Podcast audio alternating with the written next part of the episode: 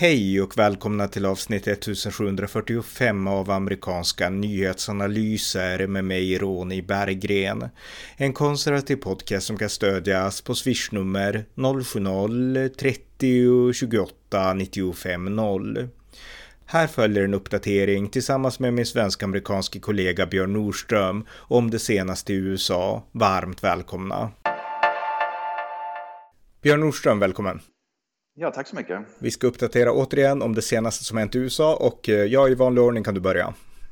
Ja, jag tänkte det här Brittany Griner, WNBA, den kvinnliga basketspelaren blev ju released, vi har redan pratat om och jag nämnde ju då att det är verkligen ett bra byte att byta ut en, en, en potentiell massmördare som vill döda amerikaner. Jag läste en artikel i en tidning, jag kommer inte ihåg vilken tidning, för jag läser ganska mycket varje dag. Men den pratar precis om samma sak, det var en sån här op-ed och en sån här en kommentar då, som just pratade om att det här bytet att byta ut, börja byta ut idrotts, idrotts, liksom, idrottsstjärnor, idrott, liksom sportstjärnor då, mot, eh, mot människor som vill döda amerikaner och är villiga att göra det igen med ett land som är fientligt mot USA. Är det verkligen ett bra byte eller måste vi börja fundera? Så han kritiserar Biden för det där i alla fall i den tiden. Han har ju helt rätt. va? Och han nämnde ju då också i den här, i den här artikeln då att det, det är egentligen, precis som jag nämnde i podden, det är egentligen bara en tidsfråga när Victor Bout kommer att ställa till med någonting som, som kommer att skada USA eller mm. västvärlden. Mm. Ja, så det, det, det, det, är någonting som jag tror väldigt många har i tankarna naturligtvis. Jag tror många vågar inte säga det därför att hon är en, kvin en kvinna och hon är svart. Hade det varit en vit man, basketspelare, då hade ingen brytt sig. Ingen hade, han hade aldrig släppts ut. Utan jag tror mycket det här var politiskt också, att Biden ville liksom fjäska in sig för den, för den svarta och kvinnliga liksom, community ungefär. Hade det varit en vit manlig basketspelare så hade det fortfarande suttit i Sibirien. Ja, verkligen. Eh, jag kan säga också att det har kommit en ny tråd i The Twitter Files och det är då ja. Barry Weiss från New York Times som har gjort en femte del som har publicerats igår. Publicerades den. Jag har inte läst den än så att jag kan inte återberätta så mycket mer än att jag såg att den kom ut. Jag såg det nu bara på morgonen att det kom ut så att en ny Twitter-file för er som är intresserade. Jaha, ja, jag, jag exakt, jag nämnde det för det kommer att komma ut mycket, mycket, mycket mer. Det här är bara början. Alltså, det kommer att komma ut mycket mer, inte bara om Donald Trump, men om många mer saker. Det är inget snack om det. Va? Eh, vad var det han, var det Kyle Rittenhouse eller var det Nick Sandman? Jag kommer inte ihåg vem av de två, vi pratade om dem förut.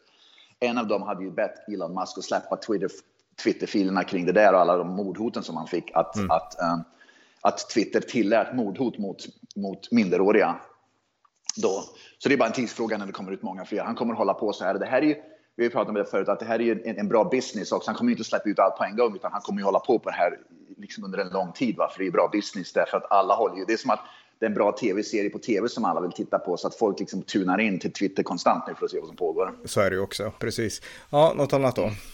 Ja, Ben Carson, den före detta HUD, äh, man kan säga bostadsministern egentligen mm. i USA han i alla fall, han är från Detroit och han fick en skola döpt till sig för inte så länge sedan, för ett tag sedan. Och den hette Ben Carson, någonting high school i alla fall. Men han är ju då republikan och han var ju då bostadsminister under Donald Trump och skolstyrelsen då i hemkommunen i Detroit och beslutade för att de inte längre, de ska döpa om skolan från Ben Carson till något annat därför att Ben Carson är fel, är fel politiskt parti. Med andra ord, han är republikan. Helt oerhört och Ben Carson kommenterade på det såg jag nyligen igår och var väldigt upprörd och sa att det, det är någonting fel på skolsystemet när, när, ideologin styr vad skolorna ska heta samtidigt som utbildningen är dålig. Mm. Så det är liksom, man har helt rätt i det. Amerikansk utbildning blir bara sämre och sämre här i USA. Va? Och jag läste också en artikel och jag, jag kan bekräfta att det stämmer att allt Många amerikaner hoppar av. Föräldrar tar ur sina barn från skolorna, offentliga skolor nu och börjar vad heter hemutbilda dem. Man utbildar dem i hemmet. Vad heter det? Eh, homeschooling. homeschooling ja. Mm. ja.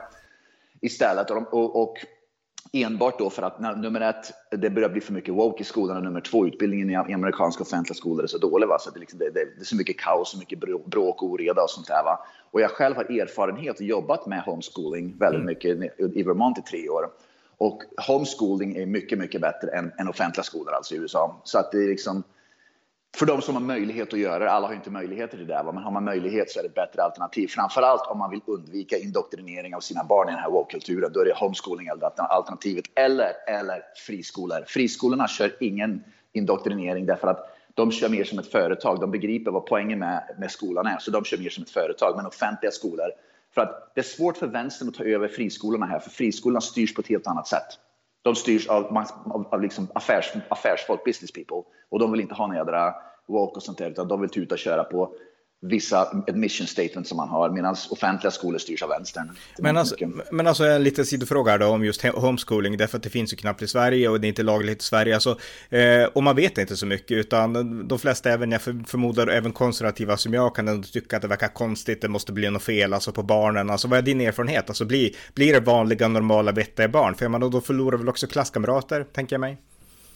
Ja, men de har ju sin, sin egen community, så man har ju familjer som gör homeschooling. Sen så går man till, tillsammans då, som man kallar för ett kooperativ, så man skapar en homeschooling-klass med säg, min familj och grannfamiljen och familjen på gatan och sen så går man in på social media så startar man och säger att okej, okay, jag kan undervisa matte. Jag kan, och sen träffas man på biblioteket, kanske 20 elever och föräldrarna och så gör man det så. Va? Så får man ju ändå bara. Och så, sen skapar man egna idrottslag de har också rättighet, om du är homeschool så har man rättighet att delta i sporten på offentliga skolor. Så att de kan gå till skolan efter skolan och delta i idrott till exempel. Liksom spela basket eller spela softball eller baseball eller fotboll eller något sånt där. Va? Eller så skapar de ett eget lag bara och sen blir de, går de med i en serie. Så att allt det, det är inga, inga problem alls. Ja, men alltså, det här lärde jag mig något totalt nytt. För det enda jag sett är en gammal dokumentär från SVT en gång och då var det någon mamma som hade någon unge i en källare liksom och så tänkte man att han måste bli... Herregud, det är inte alls så där. Herregud. okay. Jag undervisar, jag undervisar homeschooling, när jag bodde i Vermont så undervisade jag homeschooling, inte för mina egna barn utan för, jag undervisar homeschooling för uh, uh, IT-kurser. Jag undervisar IT-kurser för homeschooling för, mm. för ett antal barn. Uh, som del av det jag gjorde i mitt jobb. Och det, det funkar jättebra statistiskt sett, barn som är homeschooled gör, gör högre skolresultat än barn som går i offentliga skolor här i USA. De, är, de har större andel barn som går vidare till universitet och de har högre skolresultat på, på standardprover och så vidare. Så de, de, de klarar sig mycket bättre i skolan och det är fler, större andel som går till universitet och de är mer anpassade till samhället helt enkelt. För att, så att myterna som man kanske hör i Sverige, precis som man hör om friskolorna där snackar, det stämmer ju inte, det är bara ren lögn. Det är vänstern som pumpar ut dem, men det stämmer inte om man tittar på fakta. Helt totalt motsats. Jätteintressant, därför att det är exakt det som pumpas ut, dels i Sverige, men här kan vi ingenting, men från amerikanskt håll, då utpumpas det från media så kritik mot friskolor. Jag såg, vi pratade om den här serien, Stranger Things tidigare, den här serien som utspelas på 80-talet, som jag sett och gjort ett poddavsnitt om. Och där finns det en svart kille som är karaktär, skådespelaren heter Caleb McLaughlin, heter han, och han fick en fråga, eller alla skådespelare fick en fråga, vart gick du i skola och vart växte du upp, alltså sådär, sådana saker. Och då sa han, I'm, I'm homeschooled, sa han. Och då vart du programledare, det var någon sån här, alltså äldre kvinna, så hon vart lite så här ställd, jaha, okej, okay, okej, okay, liksom ungefär, alltså som att hon inte begrep det riktigt, eller att hon hade de här fördomarna, att du är homeschooled. Jag menar, finns de fördomarna i USA också? Mycket, mycket mindre. Mycket, mycket. Homeschooling här är så vanligt och framförallt nu, andelen barn som börjar i homeschooling ökar konstant. Det är fler och fler barn som gör homeschooling och hoppar av offentliga skolor. Och ofta är det föräldrar till barn, barn som är väldigt intelligenta och smarta som också tycker att nummer ett, vi vill inte bli indoktrinerade i vänster, men också en stor viktig, viktig anledning är att eh, offentliga skolor är för lätt. Det är för lätt. Det är för dålig standard på utbildningen och det är för mycket stök och bråk i klassrummen så man vill inte vara med på det, utan man vill helt enkelt att barnen ska få bättre utbildning. Då gör man homeschooling. Eh, om det inte finns friskolor. I Vermont till exempel, vänsterliberal delstat, är homeschooling väldigt, väldigt vanligt. Det är, det är väldigt hög andel barn som, som är homeschooled. För det finns inga friskolor i Vermont av någon anledning. Det finns några privatskolor men inga friskolor.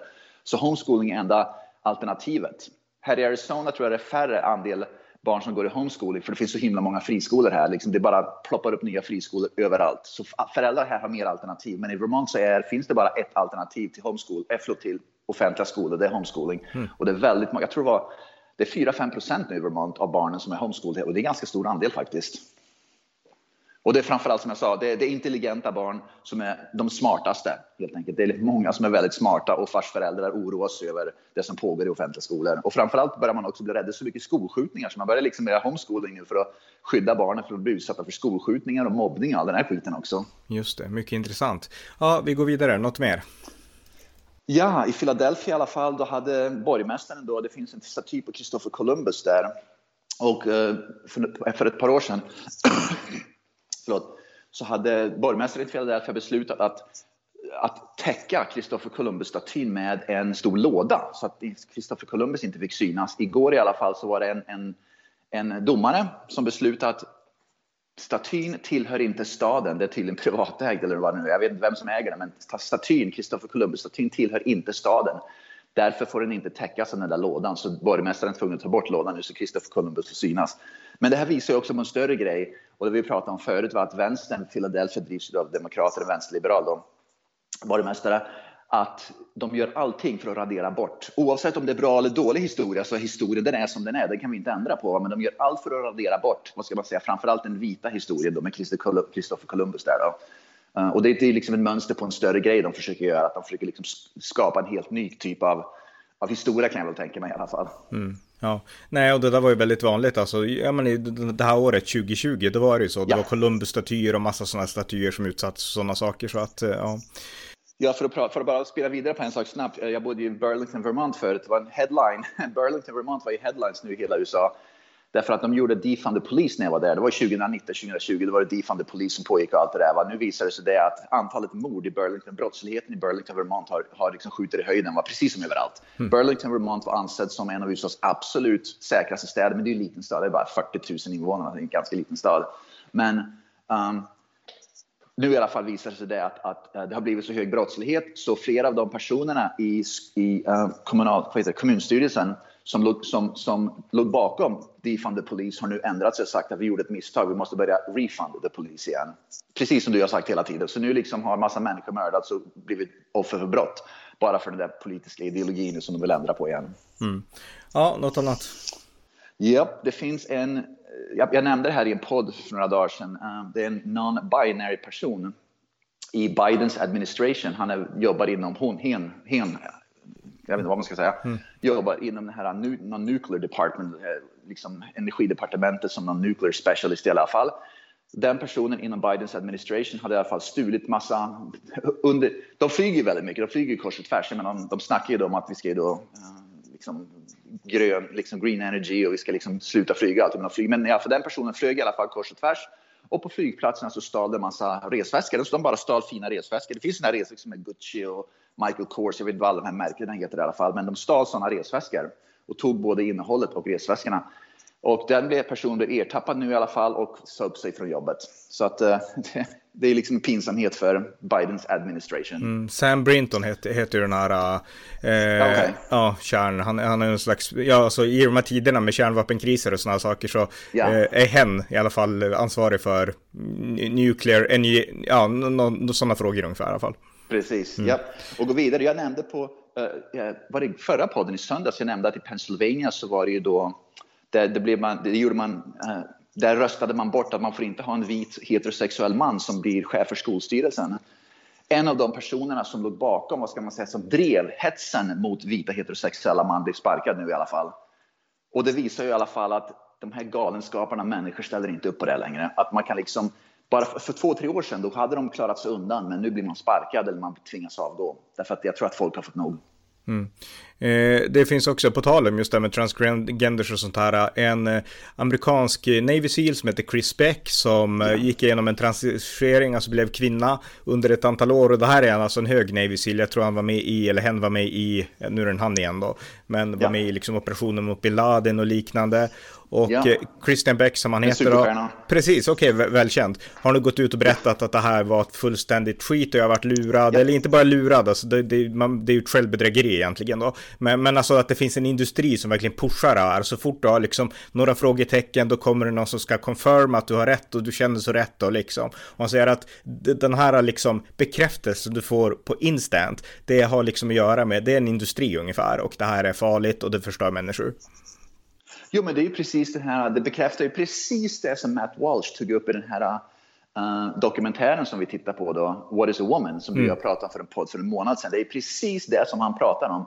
Att, att så fort du har till exempel liksom att du har, du har ett personligt problem och det, det första lösningen bland de här woke-rörelserna, okej okay, du måste byta kön, det löser ju problemen va, men det är ju inte lösningen.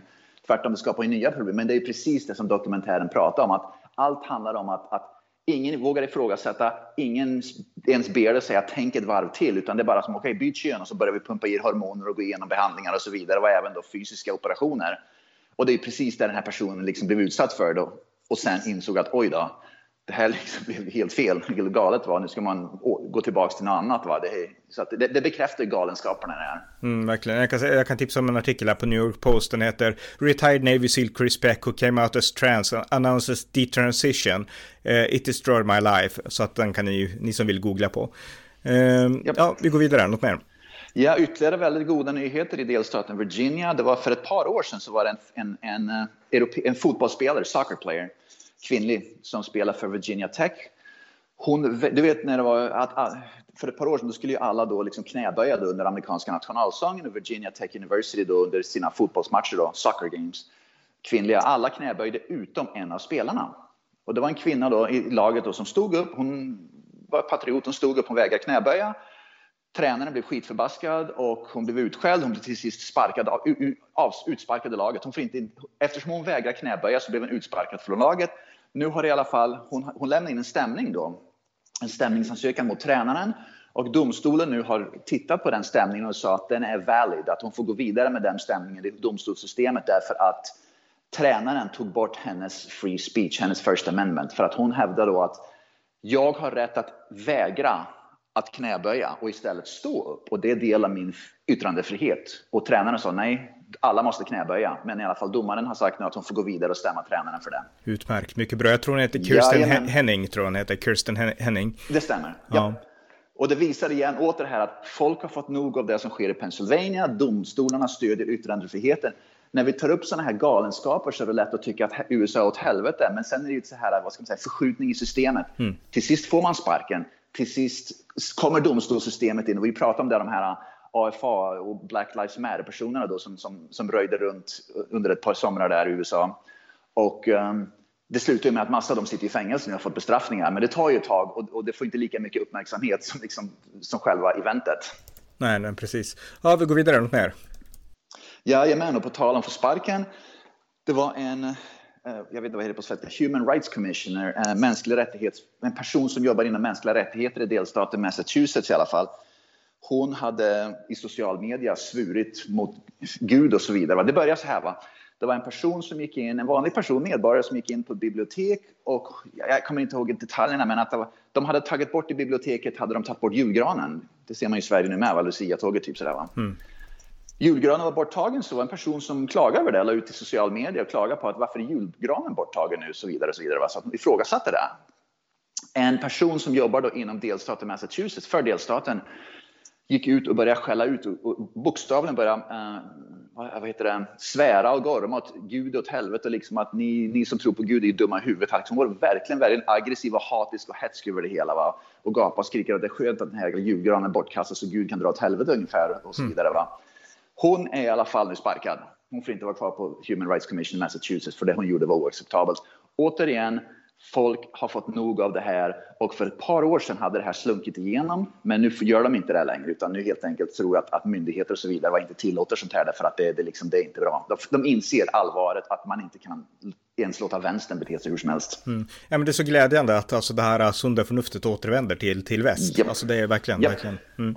Och du och jag har ju pratat om det också, att det är bara en tidsfråga. Det här var ju en trend då, att man liksom skulle göra massa galenskaper för ett par, tre år sedan, men att det är bara en tidsfråga innan människor inser att det, här, det, det liksom, samhället kan inte funka på så vis. För när den lilla minoriteten då är den som hörs och syns mest och de får som de vill. Och det, det är precis det vi hade rätt i. Och sen, och sen visar de här sakerna, jag menar jag skulle säga att det här i Massachusetts står liksom ingen julgran och det här i Sverige, det här Lucia-tåget där man då avkristnar. Vi kanske gör det, alltså de som gör det gör det förmodligen för att de vill verka ödmjuka och tillmötesgående, men det utnyttjas ju från andra hållet av de andra krafterna. Alltså från deras håll, i det här fallet Umeå, det görs det för att muslimer vill islamisera. De vill att världen ska anpassas efter dem och efter deras islamiska ja. värderingar. Det är det de vill, punkt slut. Och eh, jag menar i USA så är det likadant, allt det här med kön och så här, jag menar nu handlar det inte bara om att du ska respektera homosexuella äktenskap, du ska respektera transgenders, utan det handlar också om att du ska backa. Om du själv tror på heterosexuella äktenskap och äktenskap per definition, och om du själv tror på heterosexualitet, då ska du backa och känna dig intolerant. Alltså,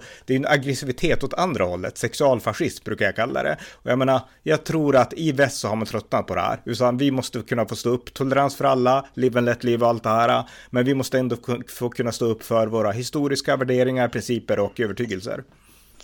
Ja, och det här är hyckleriet också som jag är så himla trött på. De trycker mm. ner allt det här hos oss vita, framförallt vita västerländska män. Men muslimer, de vill inte alls... När tänker vänstern och woke trycka ner allt det här i, i muslimers ansikte i halsar? Det gör de ju aldrig naturligtvis. De är liksom, får fripass från allt sånt här, utan det är bara vita västerlänningar som ska, som ska liksom rätta in sig i ledet. Medan islam och muslimska kulturen i västerlandet, de får tuta och köra på det de vill. Och köra över vår kultur. Och det är det som är som hyckleri. Jag tror människor, allt fler börjar också bli trötta på det. De inser liksom att det är, det är ett jäkla hyckleri. Hur ska vi kunna liksom...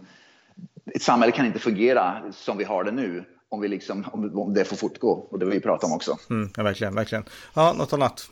Jajamän, ja, gränsen vet du. Det. Mm. Så Joe Biden var här i Arizona för några dagar sedan och han höll ett tal då naturligtvis för att Arizona håller på att bli världens huvudstad faktiskt i semiconductor manufacturing. Det är oerhört många. Det är tre stycken. Uh, Intel har investerat då 20 miljarder dollar och ett taiwanesiskt in, um, semiconductorföretag har investerat 40 miljarder dollar senaste månaderna.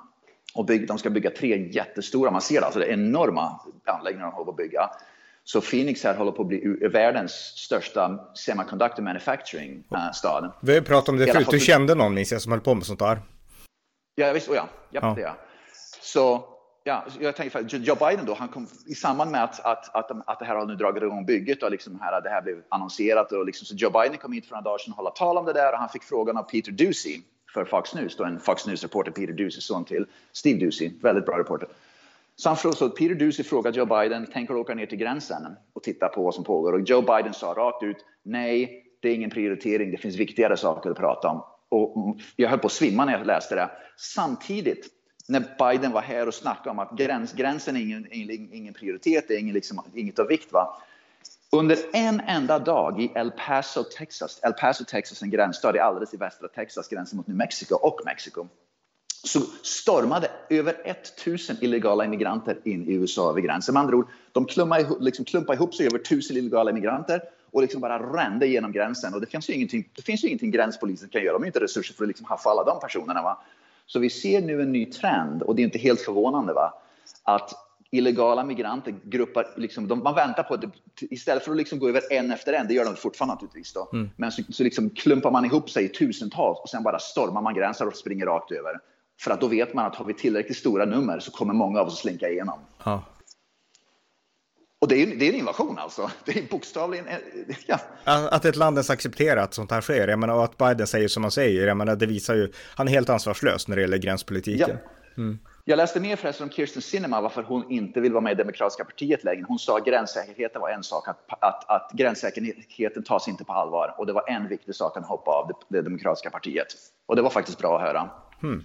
Och jag såg också att hon blev kritiserad i USA Today. De hade skrivit en artikel de kritiserade henne för att vara en hycklare hit och dit och allt vad det nu var. Men det var ju bara, de var arga på att USA Today är en vänsterliberal tidning, men de var arga på att hon inte rättar in sig i led, utan hon kommer att bli en liten renegade, en liten vilde lite grann. Eh, men hon sa också det att Arizona är en väldigt annorlunda delstat och det stämmer. Uh, faktiskt. Arizona är ungefär 50-50 split republikaner och demokrater. Och många, jag tror 70 procent av befolkningen som bor i Arizona är inflyttade och bara 30 procent av folket som bor här är födda här. Och det gör att det är en helt annan typ av delstat därför att det är så himla rotation på människor. Det är så många som flyttar in och det blir... Det, man kan liksom inte vara, vad ska man säga, som i Vermont där 99 procent är infödda ungefär. Mm. Man kan liksom inte hålla sig till partipiskan därför att det, demografin och, befolkningen och politiska åsikterna förändras så fort här på grund av inflyttningen att man måste helt enkelt ha mer spelrum. Att, att vad ska man säga, ta hänsyn till hur, hur Arizona ser ut idag jämfört med fem år eller om fem år. Och det är där jag tror att hon begriper. Mm, mycket intressant, mycket intressant. Eh, då kanske hon blir republikanen då också då? ja. ja. jag skulle inte bli förvånad över hon börjar rösta mer för Republikanerna nu faktiskt. Jag, jag, är inte förvånad om vi kommer att börja se det faktiskt. För att gränspolitiken för henne är tydligen väldigt viktig och Demokraterna har ju inte direkt eh, lyst i det sammanhanget. Nej. Ja, något annat? Ja, Peter Buttigieg, uh, Pete Buttigieg, uh, vad heter han? Sek uh, transport, transport. Transportation. Han är en av dem som gapar och skriker om att sluta köra bil, sluta flyga, sluta hit, liksom allt det där. Va? Men det visar sig att han har flugit privatflyg konstant runt om i USA nu och i världen.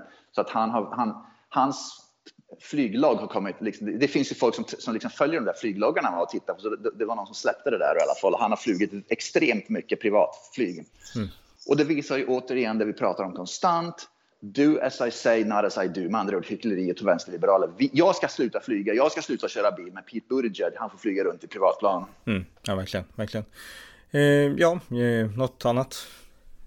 Jajamän, New York City håller ju på att tappa en massa poliser. Vi pratar om det, att de har, känner ingen, liksom att de inte är respekterade. Det är liksom att de, de, man haffar en skurk och sen två, liksom två timmar senare så är samma skurk på gatan igen ungefär. Det är så det funkar i New York nu. Mm. allt fler poliser i New York City nu börjar, New York City gränsar till delstaten Connecticut. Um, så det allt fler poliser nu börjar ta jobb i Connecticut istället för tydligen i Connecticut så är det bättre arbetsförhållanden. Så att New York håller på att tappa massa poliser i större antal till delstaten Connecticut. För där är det tydligt, även om Connecticut är vänsterliberalt så är det inte lika vänsterliberalt. Så de ser en, en vad ska man säga, en, en migration från New York till Connecticut. Just det. Mm. Ja, eh, jag har inget mer alls, eh, så att ta det du har nu. Uh, får se här, ja just ja. Uh, det var, jag såg en tweet som kom ut och det här stämmer faktiskt ganska intressant. Det, det, var, det var någon twittrare som, jag vet inte vem det är uttaget, men han skrev att det är ganska otroligt att det krävdes två amerikanska miljardärer för att förändra USA. Den ena är Donald Trump som visar oss hur korrupt amerikanska eh, systemet är. Och den andra är Elon Musk som visar oss hur långt eh, eh vad ska man säga, etablissemanget inom det amerikanska systemet är, är, är villiga att, att, gå för att mm. upprätthålla korruptionen i systemet. Just det. och det är precis ja. det vi pratar om. Det är ganska, det är ganska intressant. Ja, det var lite kul och det, det ligger mycket i det. Men med det sagt, nu jag kom på saker jag kan berätta då. Alltså en ny, upp, en ny Eh, opinionsundersökning av Today och Suffolk University har, har kommit ut och den visar att Ron DeSantis leder oerhört stort nu över Donald Trump. Han har 56 ah. mot 33 procent. Så ett stort yep. övertag för Ron DeSantis i ett möjligt primärval mot Donald Trump. Jag tror så här, om inte Donald Trump... Donald Trump borde hoppa av nu. Låt liksom finslipade då Ron DeSantis ta över istället. Men utan Donald Trump hade inte Ron DeSantis tror jag kommit. För att folk det Donald Trump gjorde, han banade vägen för Ron DeSantis. Jag tror inte Ron DeSantis hade kunnat bli presidentkandidat, vilket förmodligen kommer att bli, även president förmodligen, hoppningsvis, om inte Donald Trump hade varit där. Utan vi får tacka Donald Trump för det han gjorde, men det är dags för honom nu att liksom, uh, gå i pension. Exakt, men den, exakt den balansen. Tacka honom för det han gjorde, för det han gjorde bra. Jag menar, Ron DeSantis blev guvernör tack vare Donald Trump till och med, för Donald Trump gav sitt stöd där 2018 tror jag. Så att ja. uh, absolut, tack till Donald Trump, men tack och hej också lite grann. Jajamän. Ja, uh, nästa grej jag tänkte prata om, Virginia. Virginia, det är en ganska intressant delstat egentligen, därför att det är mycket som pågår där, men tack och lov så är det en republikansk guvernör nu i alla fall. Men i alla fall, det var en kristen grupp som blev, uh, ja, det var sådana kristna grupper. De, de hade bokat tid på en restaurang för att hålla då, ja, en slags middag för, för sin kristna grupp. Då. Det är liksom, det är liksom normal grej. Va? Restaurangen vägrade dem att äta på den restaurangen för de var kristna. Och det här är, de, samma restaurang skulle aldrig vägra en muslimsk grupp att äta middag på restaurangen. Utan det är enbart kristna man går efter. Okej, okay, du som restaurang, du får, du får neka vem du vill eftersom det är privatägt företag. Så du får neka vem du vill. Så det bryr mig inte om. Utan det som jag är irriterad på som himla hyckleri, det är bara kristna man går efter. Man går aldrig efter en judisk grupp eller en hinduisk mm. grupp eller en muslimsk grupp. Det är bara vita kristna man går efter. Och det är där hyckleriet som, jag, som, är, som är så liksom äckligt tycker jag. Nej, och det, det, här också, det visar varför kristna måste engagera sig mer politiskt. Alltså här, de blir överkörda för att de låter sig köras över i viss mån. Så att eh, man måste höja röster mer, helt enkelt. Ja. Ja. Och den sista grejen jag tänkte ta upp, jag läser, jag läser Babylon Beast ibland. Det är, det är en vad ska man säga, satir, som The Onion, det är en sån här satirgrej. Va? Men mycket i satir är faktiskt är verklighet, det är verklighetsförankrat. Det är, det är ungefär som ett, ett skämt. Humor har en del, det finns en del sanning i humor faktiskt. Mm. Och Babylon Beast skrev en artikel där de pratar om att att Brittany Griner är tillbaka i USA och är tillbaka till obscurity nu med andra ord. Ingen vet längre vem hon är och vad hon gör. Utan hennes, hennes stora grej det var att hon var fånge i Ryssland. Men nu när hon är tillbaka i USA så är hon liksom totalt anonym igen. Mm, ja.